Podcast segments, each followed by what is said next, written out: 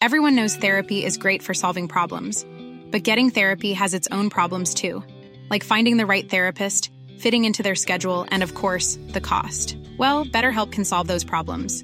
It's totally online and built around your schedule. It's surprisingly affordable too. Connect with a credentialed therapist by phone, video, or online chat, all from the comfort of your home. Visit betterhelp.com to learn more and save 10% on your first month. That's BetterHelp H E L P. Millions of people have lost weight with personalized plans from Noom, like Evan, who can't stand salads and still lost 50 pounds. Salads, generally, for most people, are the easy button, right? For me, that wasn't an option. I never really was a salad guy. That's just not who I am. But Noom worked for me. Get your personalized plan today at Noom.com. Real Noom user compensated to provide their story. In four weeks, the typical Noom user can expect to lose one to two pounds per week. Individual results may vary. Planning for your next trip? Elevate your travel style with Quince. Quince has all the jet setting essentials you'll want for your next getaway, like European linen, premium luggage options, buttery soft Italian leather bags, and so much more. And is all priced at 50 to 80% less than similar brands. Plus, Quince only works with factories that use safe and ethical manufacturing practices. Pack your bags with high-quality essentials you'll be wearing for vacations to come with Quince. Go to quince.com slash pack for free shipping and 365-day returns.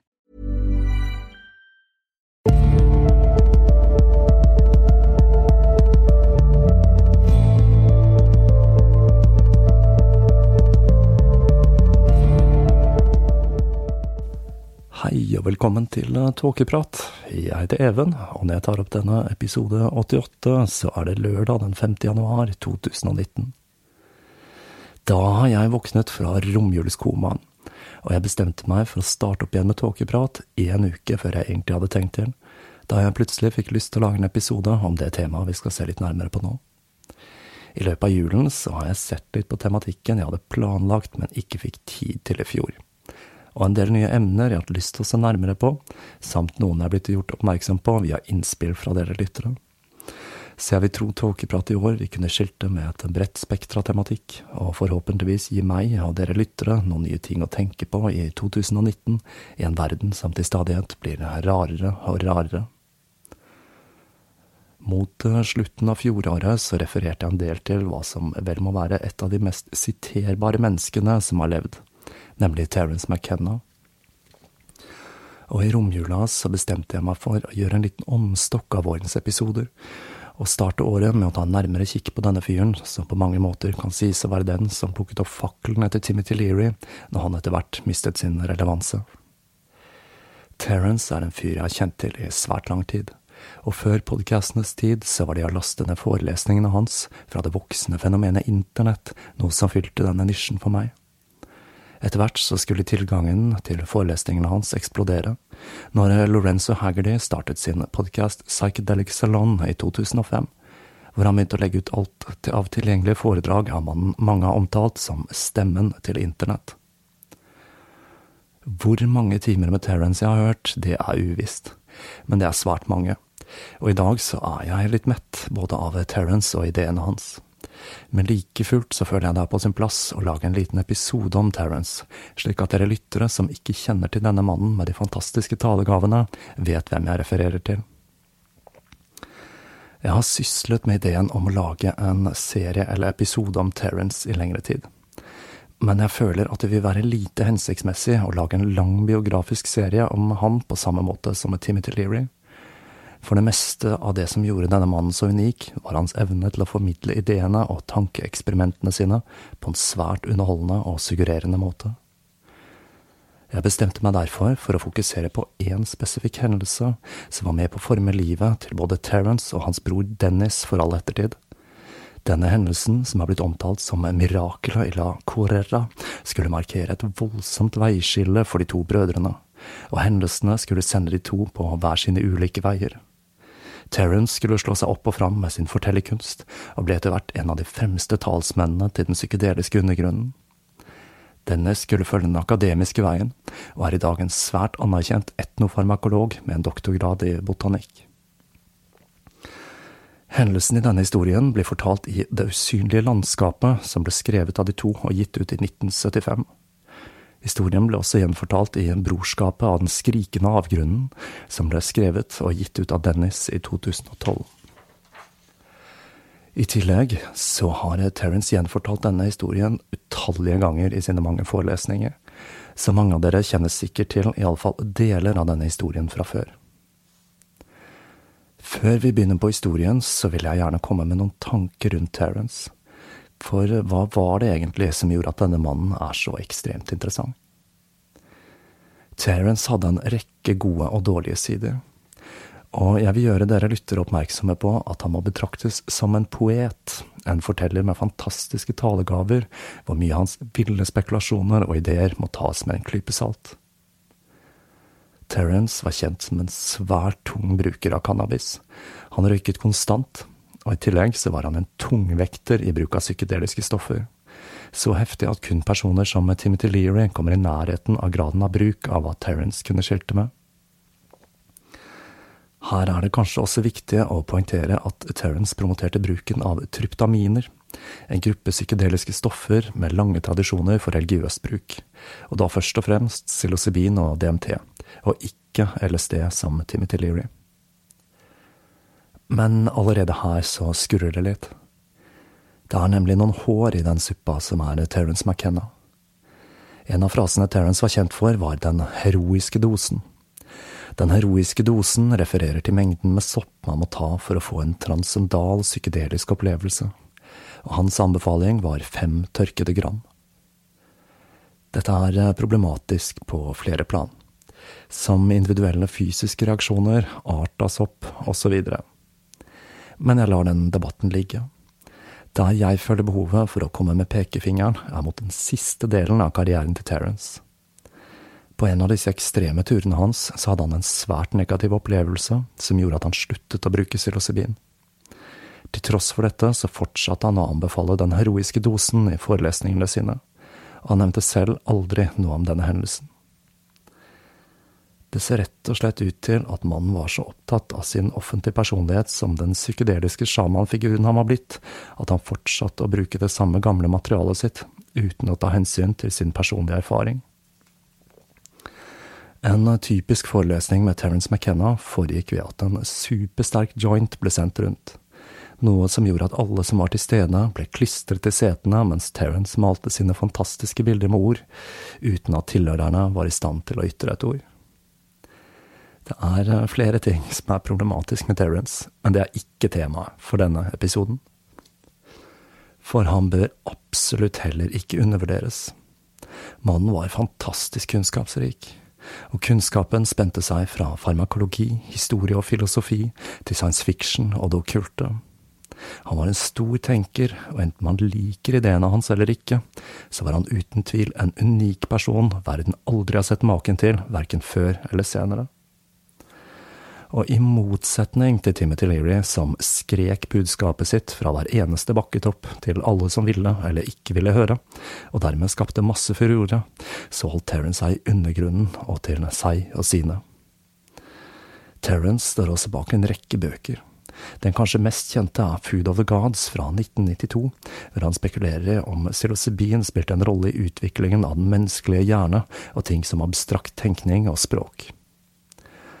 Og da begynner vi å nærme oss et av de feltene der jeg setter mest pris på Terence, nemlig hans tanker og spekulasjoner rundt opprinnelsen til religion og forbindelsen til den psykedeliske opplevelsen. Terence mente at vi var i ferd med å gjennomgå hva han kalte en arkaisk gjenfødelse, og at ting som ravekultur og neopaganisme var symptomer på dette. Ikke helt ulikt hva Doreen Valiente skulle forfekte senere i livet. Se, der fikk jeg også dratt inn litt hekser også, i 2019. Og da har vi kommet til hva denne historien handler om. For det var i dypet av den colombianske jungelen Terence og hans bror skulle ha en opplevelse som dannet grunnlaget for Terence eskatologi, eller lære om endetiden, og hans tro på at et objekt i framtiden var i ferd med å trekke oss inn i en singularitet som skulle starte en ny verdensalder.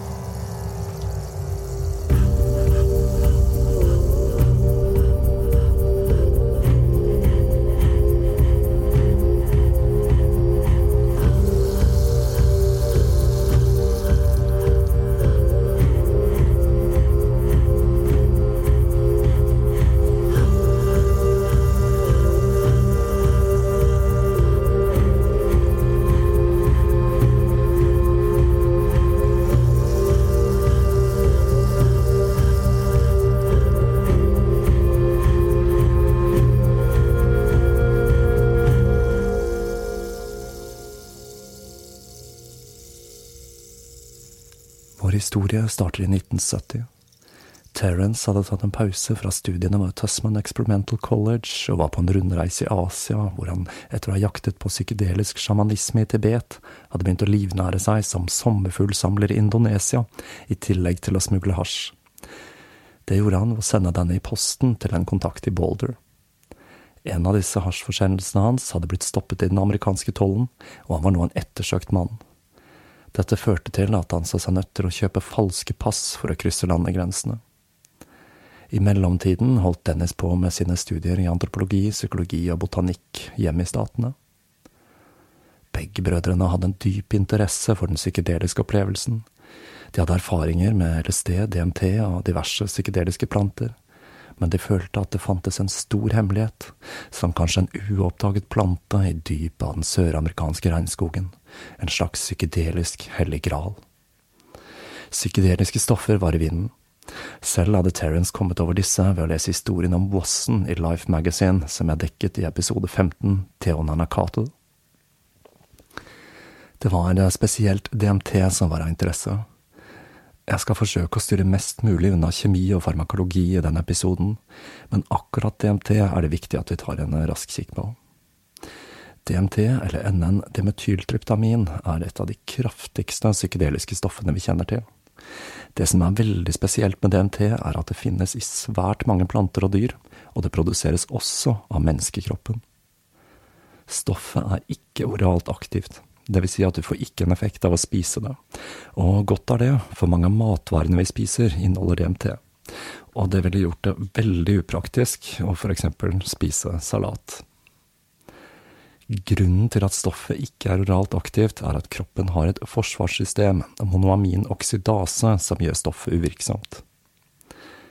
Kjemisk ren DMT kan enten røykes eller tas intravenøst. Dette fører til en kort, ekstremt intens virkning, hvor brukeren forlater vår verden og blir transportert inn i en psykedelisk berg-og-dal-bane som varer en periode på ti minutter til et kvarter. Stoffet er også den aktive ingrediensen i det søramerikanske brygget ayahuasca.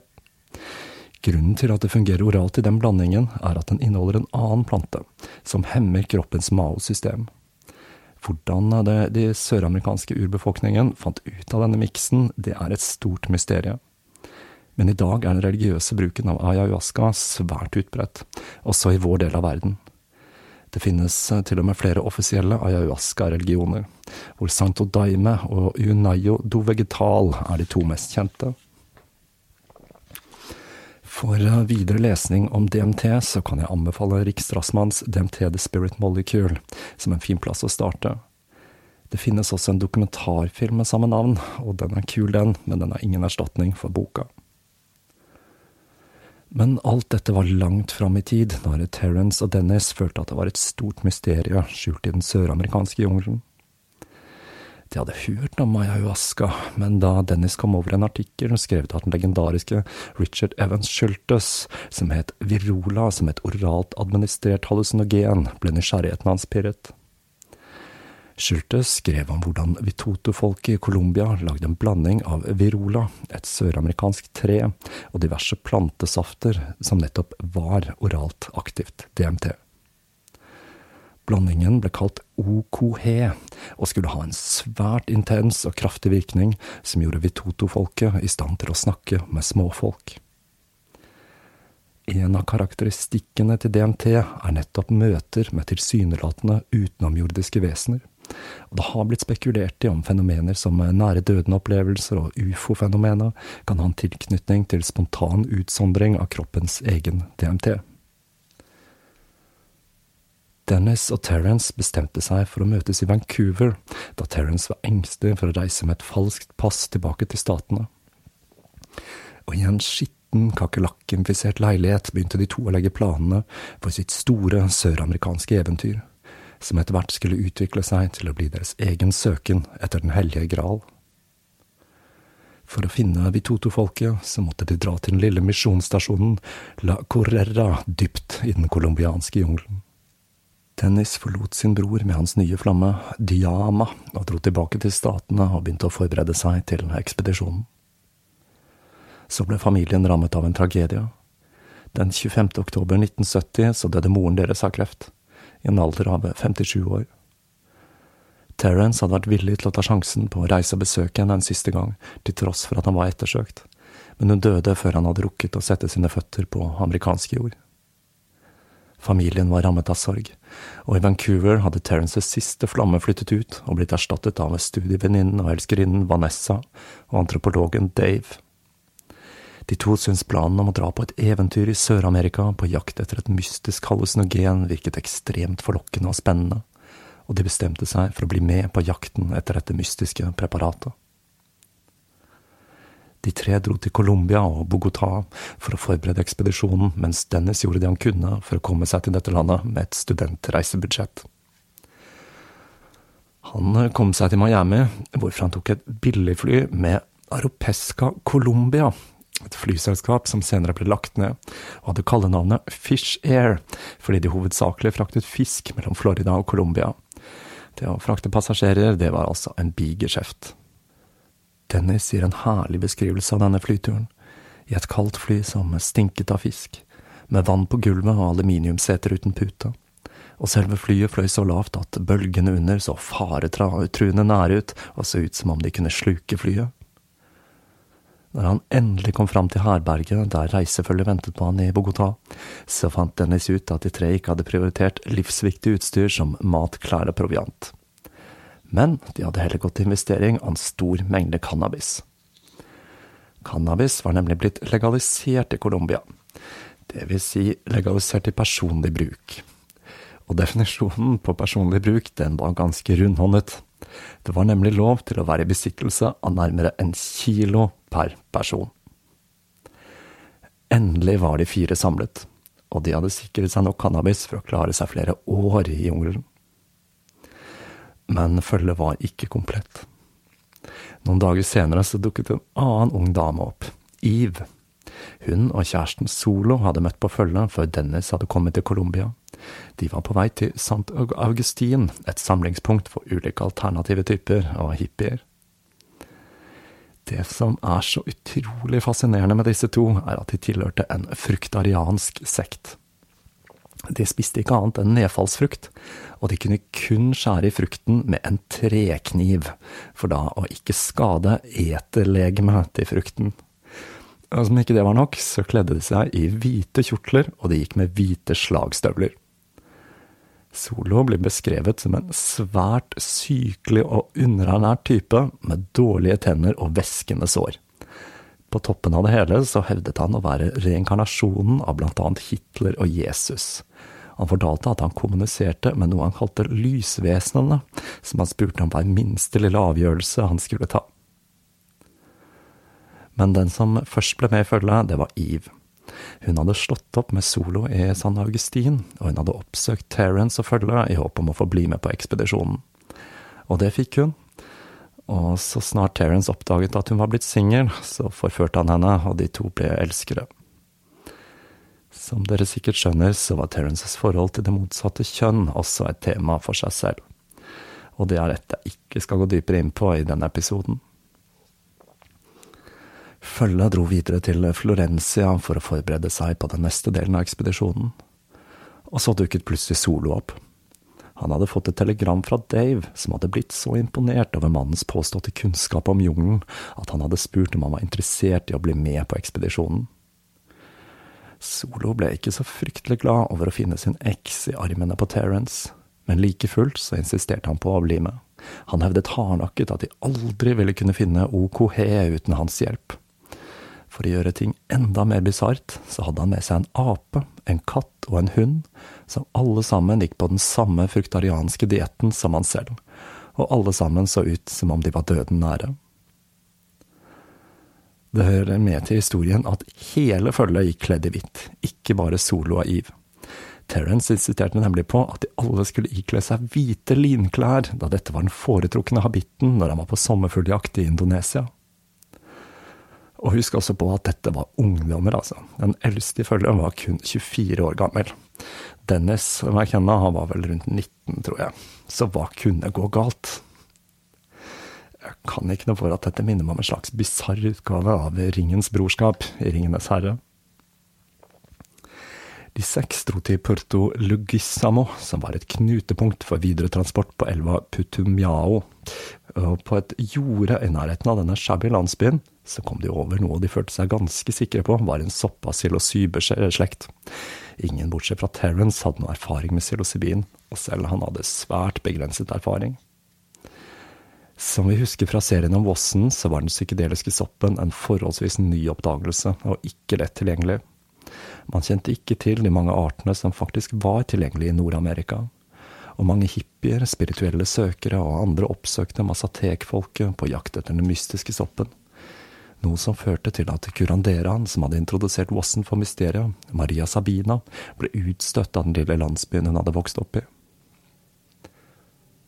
Uansett. Siden de hadde med seg litteratur, så kunne de identifisere soppen som psilocybe cubensis. Så for å få tiden til å gå, så delte de den, det de hadde funnet, mellom seg. Og opplevelsen de hadde, den var ulik alt de kjente til av andre psykedeliske stoffer. Langt mer behagelig enn den harde psykologiske, selvgranskende virkningen til LSD, og langt fra den ekstreme virkningen til DMT. Det er klart, de var på jakt etter langt kraftigere saker, men dette virket som et perfekt rekreasjonelt psykedelisk stoff. Lite visste de om hva soppen hadde i vente for dem. Etter noen dager så fikk de plass på en lastebåt, Fabiolita, som fraktet de videre nedover elva og dypere inn i jungelen lørdag den 6. februar 1971.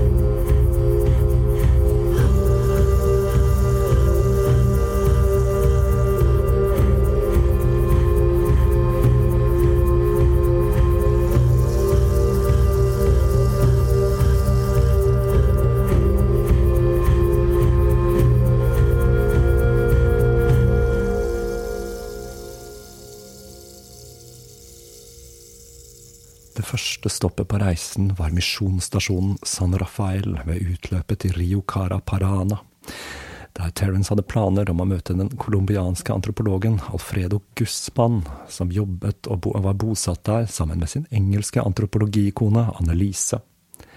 Det var nemlig fra denne Guzman Schultes hadde hørt om dette mystiske preparatet, OKH. I tillegg var det kun en kort kanotur fra San Rafael til landsbyen El Encanto, hvorfra den raskeste veien til La Correra gikk. Den gikk over land, gjennom jungelen på en sti som hadde blitt ryddet under gummibomet.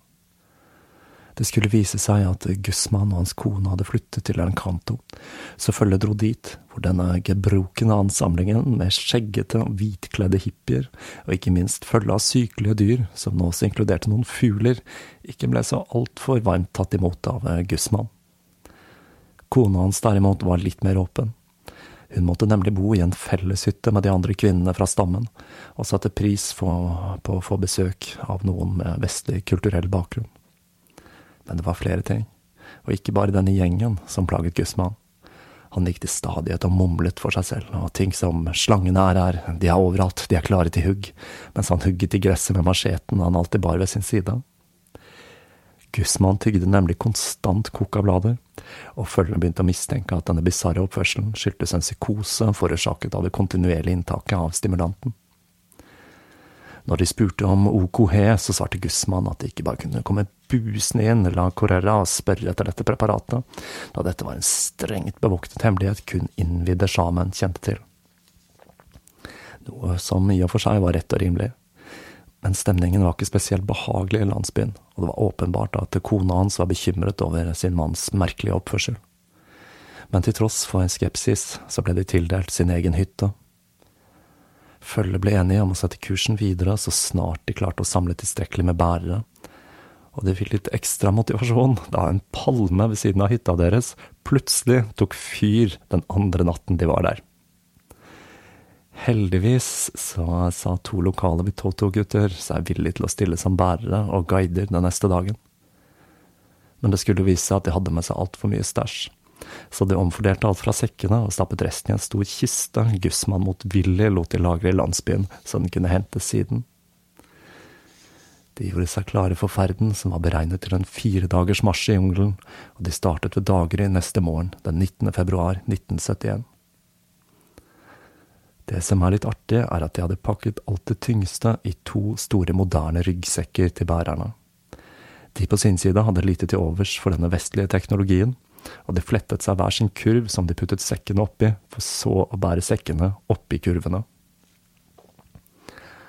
Dette merkelige hvitkledde følget la ut på den strabasiøse ferden, på en sti som hadde en blodig historie.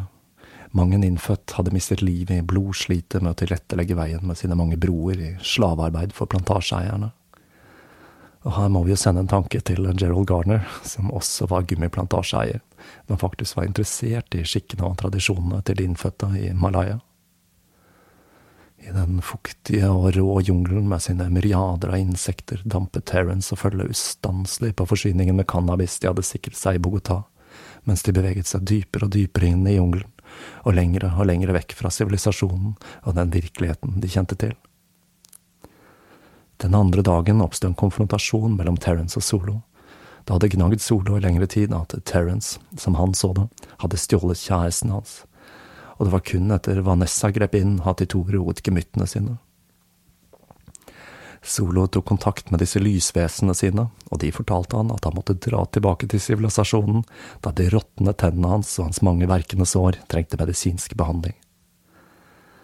Ikke så dumme disse lysvesenene, altså. Og om morgenen den tredje dagen så vendte sola og Nesa hjemover igjen, mens de fem andre fortsatte mot La Correra på jakt etter mysteriet som ventet de der.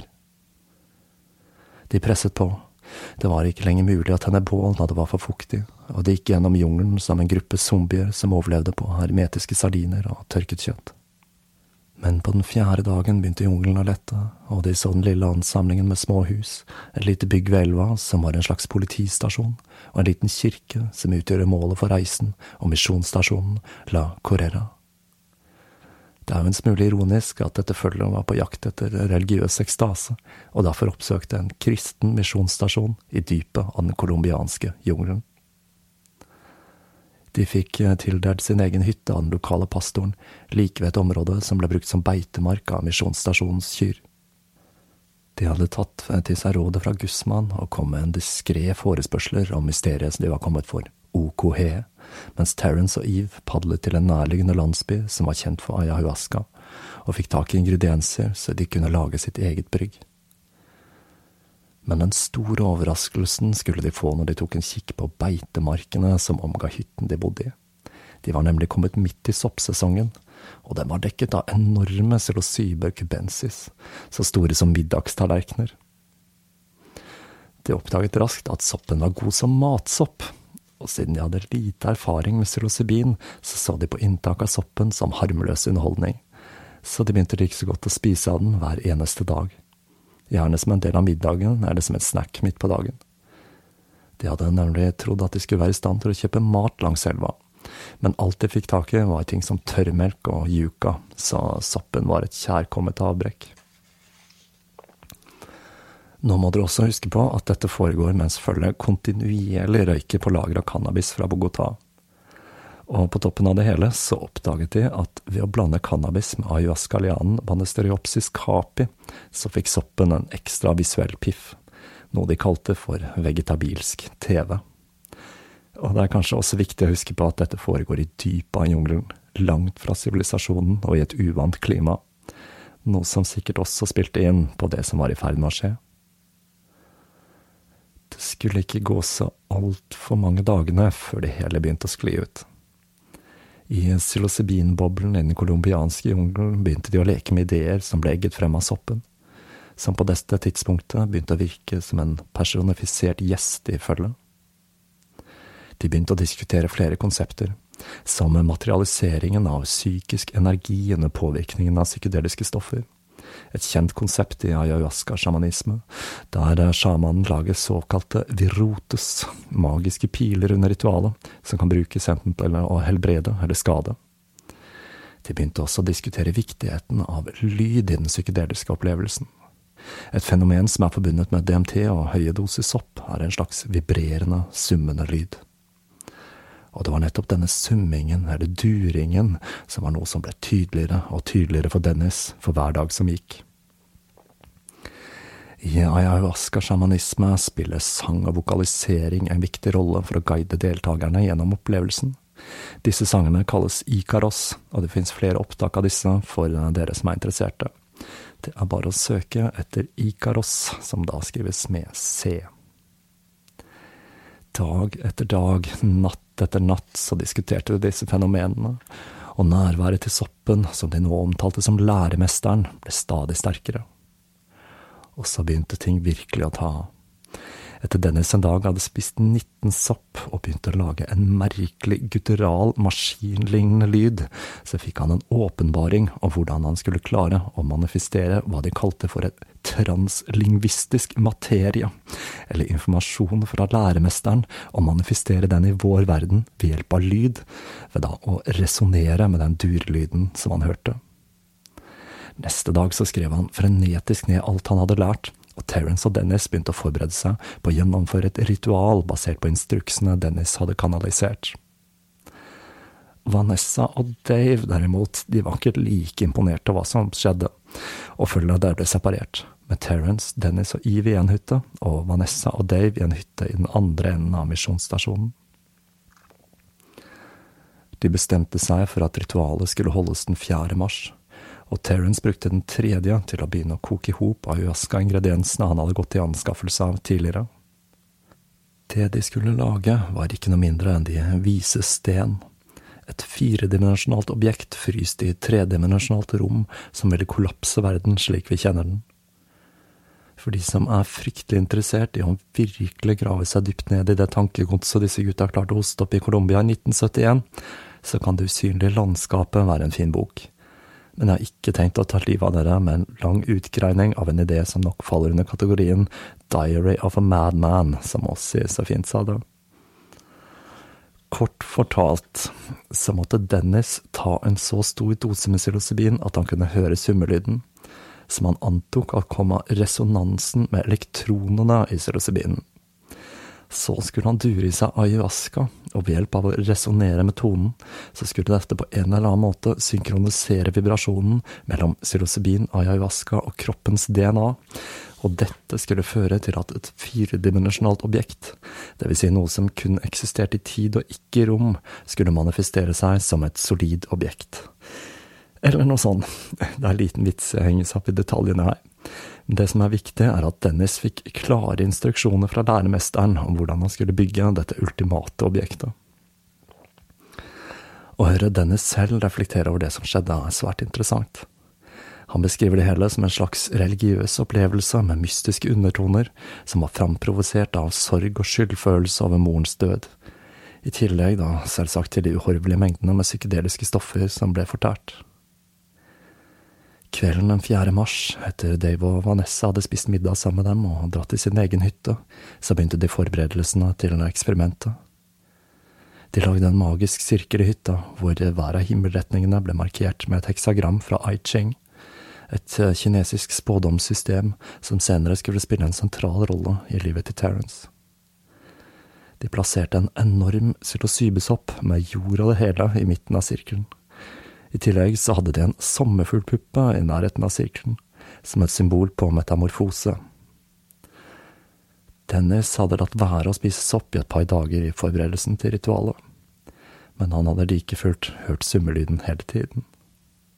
Og nå spiste han igjen av soppen, og han, Terence og Eve drakk av ayahuascaen de hadde brygget, før de tre la seg i hver sin hengekøye.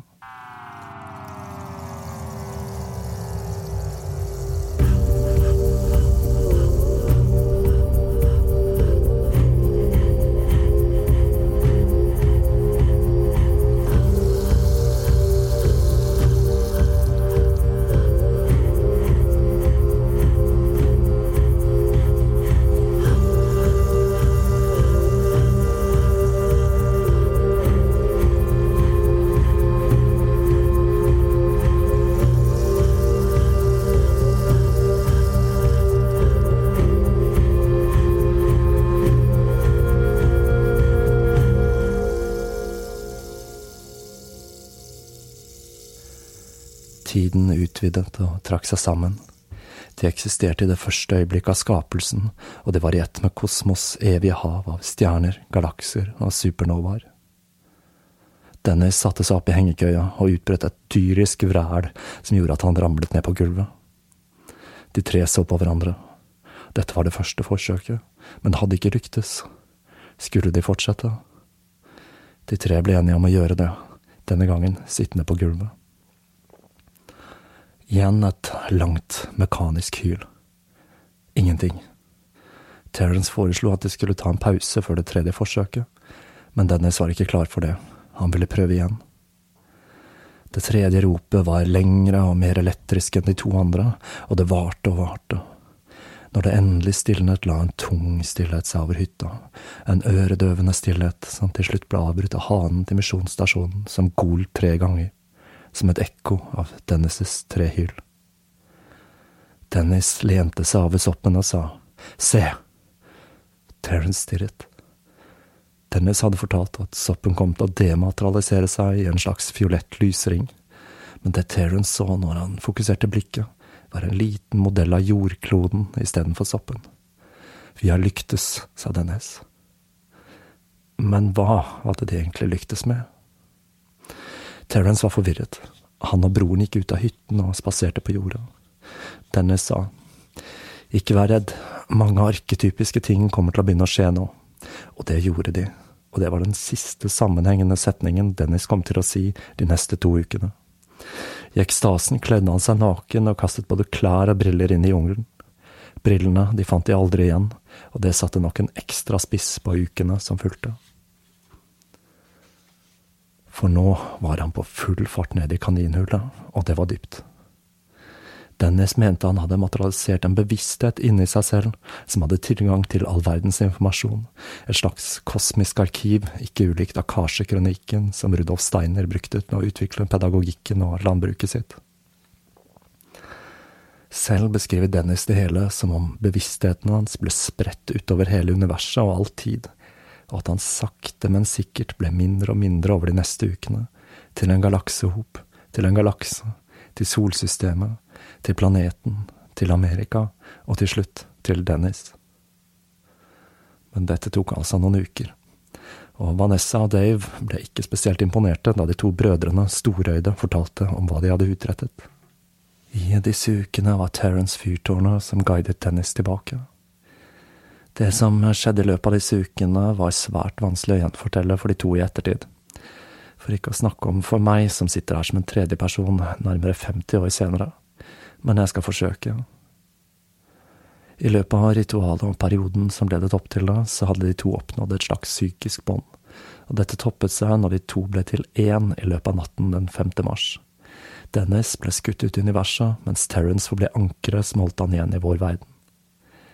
De to rapporterte en rekke underlige fenomener i perioden som fulgte, blant annet en form for telepati mellom de to. Her er det kanskje verdt å nevne at telepati er en av de første effektene antropologer rapporterte etter å ha sett ayahuasca-ritualer i Amazonas. Og det var ikke slik at det kun var Dennis som var ute og sykle. Terence var så besatt av dette objektet, og hver dag så tok han med seg broren ut på jordet og ba ham forsøke å manifestere gjenstanden, for Dennis vandret til stadighet rundt til tross for mangelen på kontakt med vår verden. Etter hvert så ble de klar over om du kan kalle det det, at de hadde lyktes tross alt. Men objektet hadde manifestert seg i framtiden, ved slutten av all tid, det eneste stedet et slikt objekt som kollapser all tid, kan eksistere. Vanessa og Dave ble mer og mer bekymret. De foreslo at de skulle få med seg Dennis tilbake til sivilisasjonen, slik at han kunne få psykiatrisk behandling. Dette var selvsagt problematisk, siden de var i dypet av jungelen og Terence motsatte seg dette fordi han mente at dette var en prosess Dennis måtte jobbe seg gjennom på egen hånd.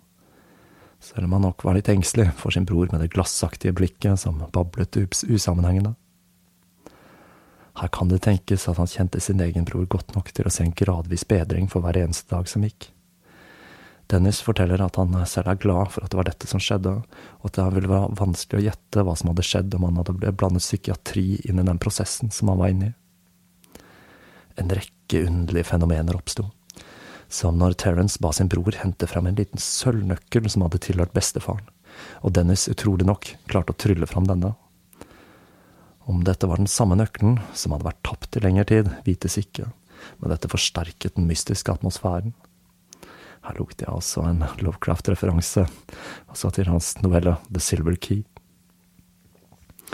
Like underlig var det når Dennis førte Terence til et stort tre i utkanten av jorda. I løpet av perioden jeg hadde vært der, så hadde Dennis begynt å kalle Terence for Ama, ordet for bror på Vitoto. Under noe buskas nederst på treet så sto nemlig ordet Ama risset inn, og bokstavene bar preg av å ha blitt skåret inn i treet mange år tidligere.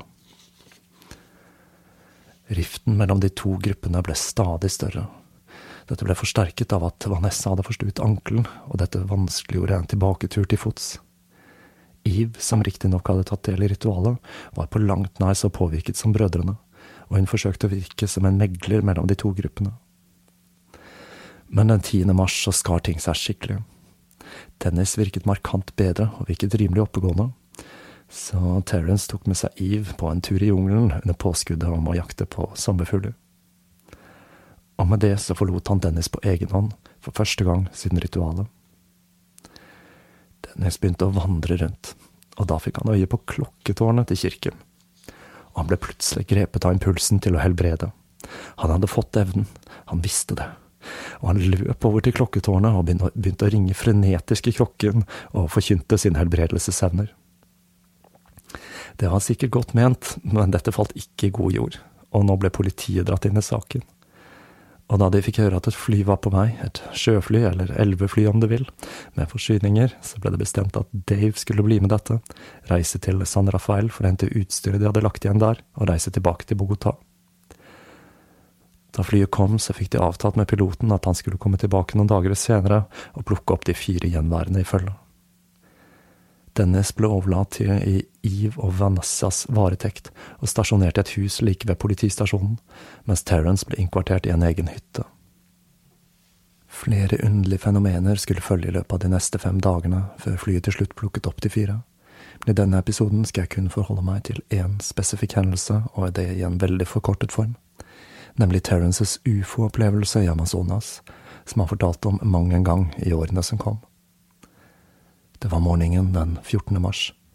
Terence hadde tilbrakt natten i jungelen på psilocybin. Han så utover det smaragdgrønne, disige landskapet der solen sakte kom opp bak horisonten. Da la han merke til at en del av morgentåken så ut til å tetne av mørket. Tåkebanken han stirret på, delte seg først i to, og så i fire linseformede deler, før de smeltet sammen til en tallerkenformet figur som begynte å bevege seg mot ham med en høy, hvinende lyd. Objektet beveget seg rett over han, og han kunne se roterende blå og oransje symboler på undersiden.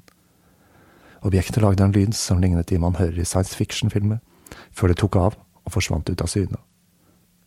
Terence innså til sin forskrekkelse at objektet han så var identisk med den berømte ufo-forfalskningen til George Adaminski, et meget kjent ufo-bilde som har vist seg å være et fotografi av endestykket til en Hoover støvsuger. Men der var det altså, svevende og høyst virkelig over hodet på den forskrekkede Terence. Denne opplevelsen skulle føre til en rekke spekulasjoner fra Terence senere om hva ufo-fenomenet egentlig dreier seg om. Han sa at han var såpass kjent med de visuelle effektene av psykedeliske stoffer at han gjenkjente dette som noe helt, helt annet.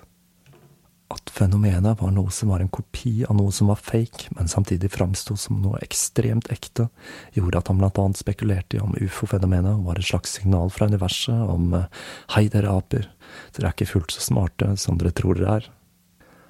Dagen etter, den 15. mars, ble de fire plukket opp av flyet, og fem dager senere kunne de alle feire ved en av de bedre restaurantene i Bogotá.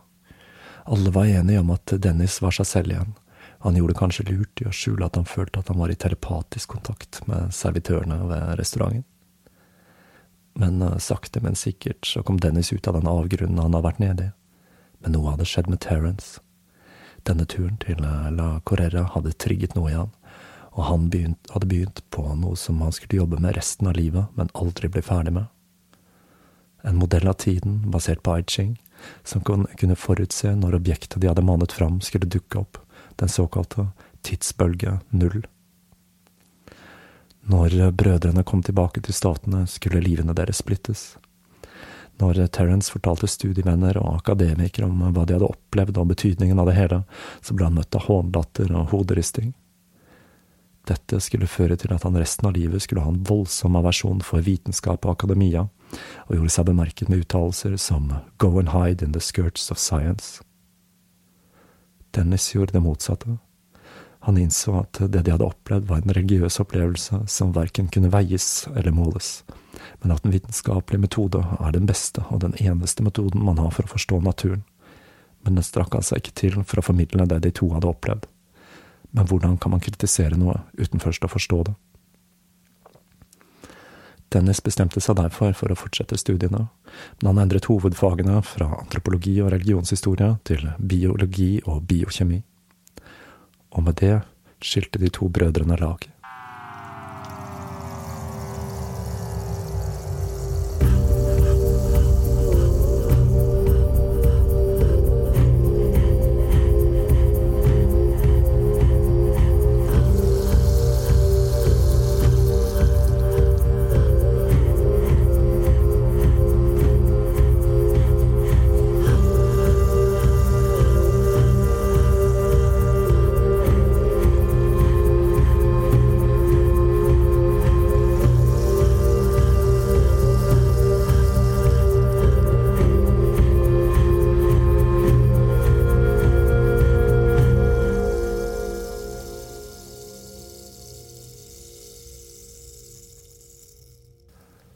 Og det var historien om miraklet i La Correra.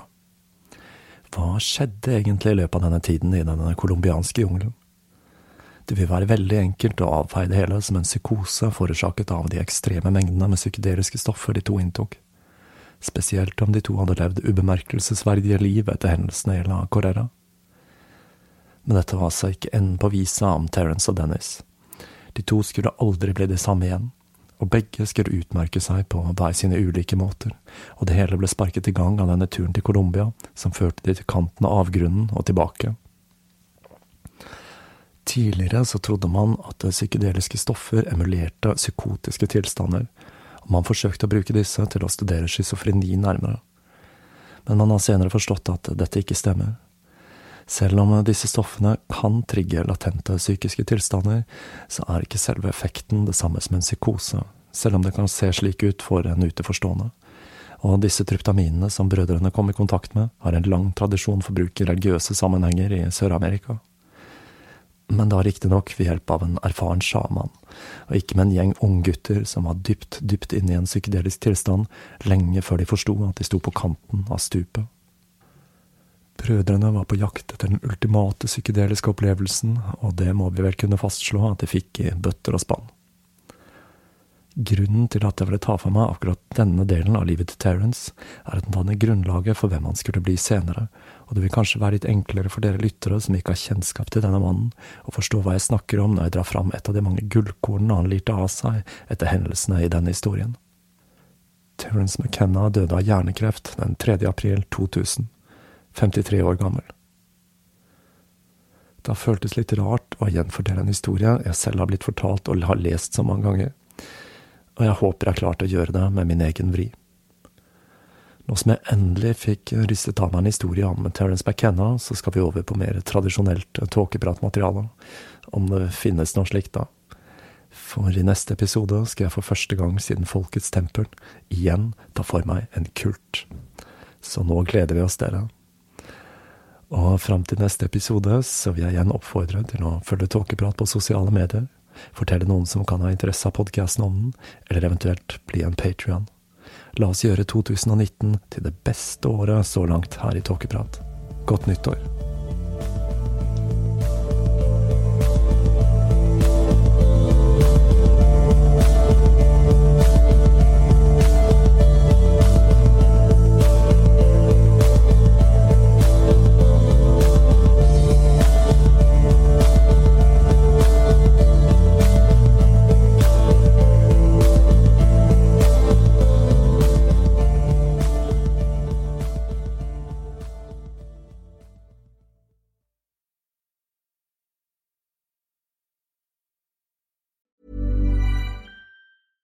Imagine the softest sheets you've ever felt. Now imagine them getting even softer over time. That's what you'll feel with Bowl and Branch's organic cotton sheets. In a recent customer survey, 96% replied that Bowl and Branch sheets get softer with every wash. Start getting your best night's sleep in these sheets that get softer and softer for years to come. Try their sheets with a 30-night guarantee. Plus, get 15% off your first order at bowlandbranch.com. Code BUTTERY. Exclusions apply. See site for details. Planning for your next trip? Elevate your travel style with Quince. Quince has all the jet setting essentials you'll want for your next getaway, like European linen, premium luggage options, buttery soft Italian leather bags, and so much more. And is all priced at 50 to 80% less than similar brands. Plus, Quince only works with factories that use safe and ethical manufacturing practices. Pack your bags with high-quality essentials you'll be wearing for vacations to come with Quince. Go to quince.com slash pack for free shipping and 365-day returns. Even when we're on a budget, we still deserve nice things. Quince is a place to scoop up stunning high-end goods for 50 to 80% less than similar brands. They have buttery soft cashmere sweaters starting at $50, luxurious Italian leather bags, and so much more. Plus, Quince only works with factories that use safe, ethical, and responsible manufacturing. Get the high-end goods you'll love without the high price tag with Quince. Go to quince.com/style for free shipping and 365-day returns.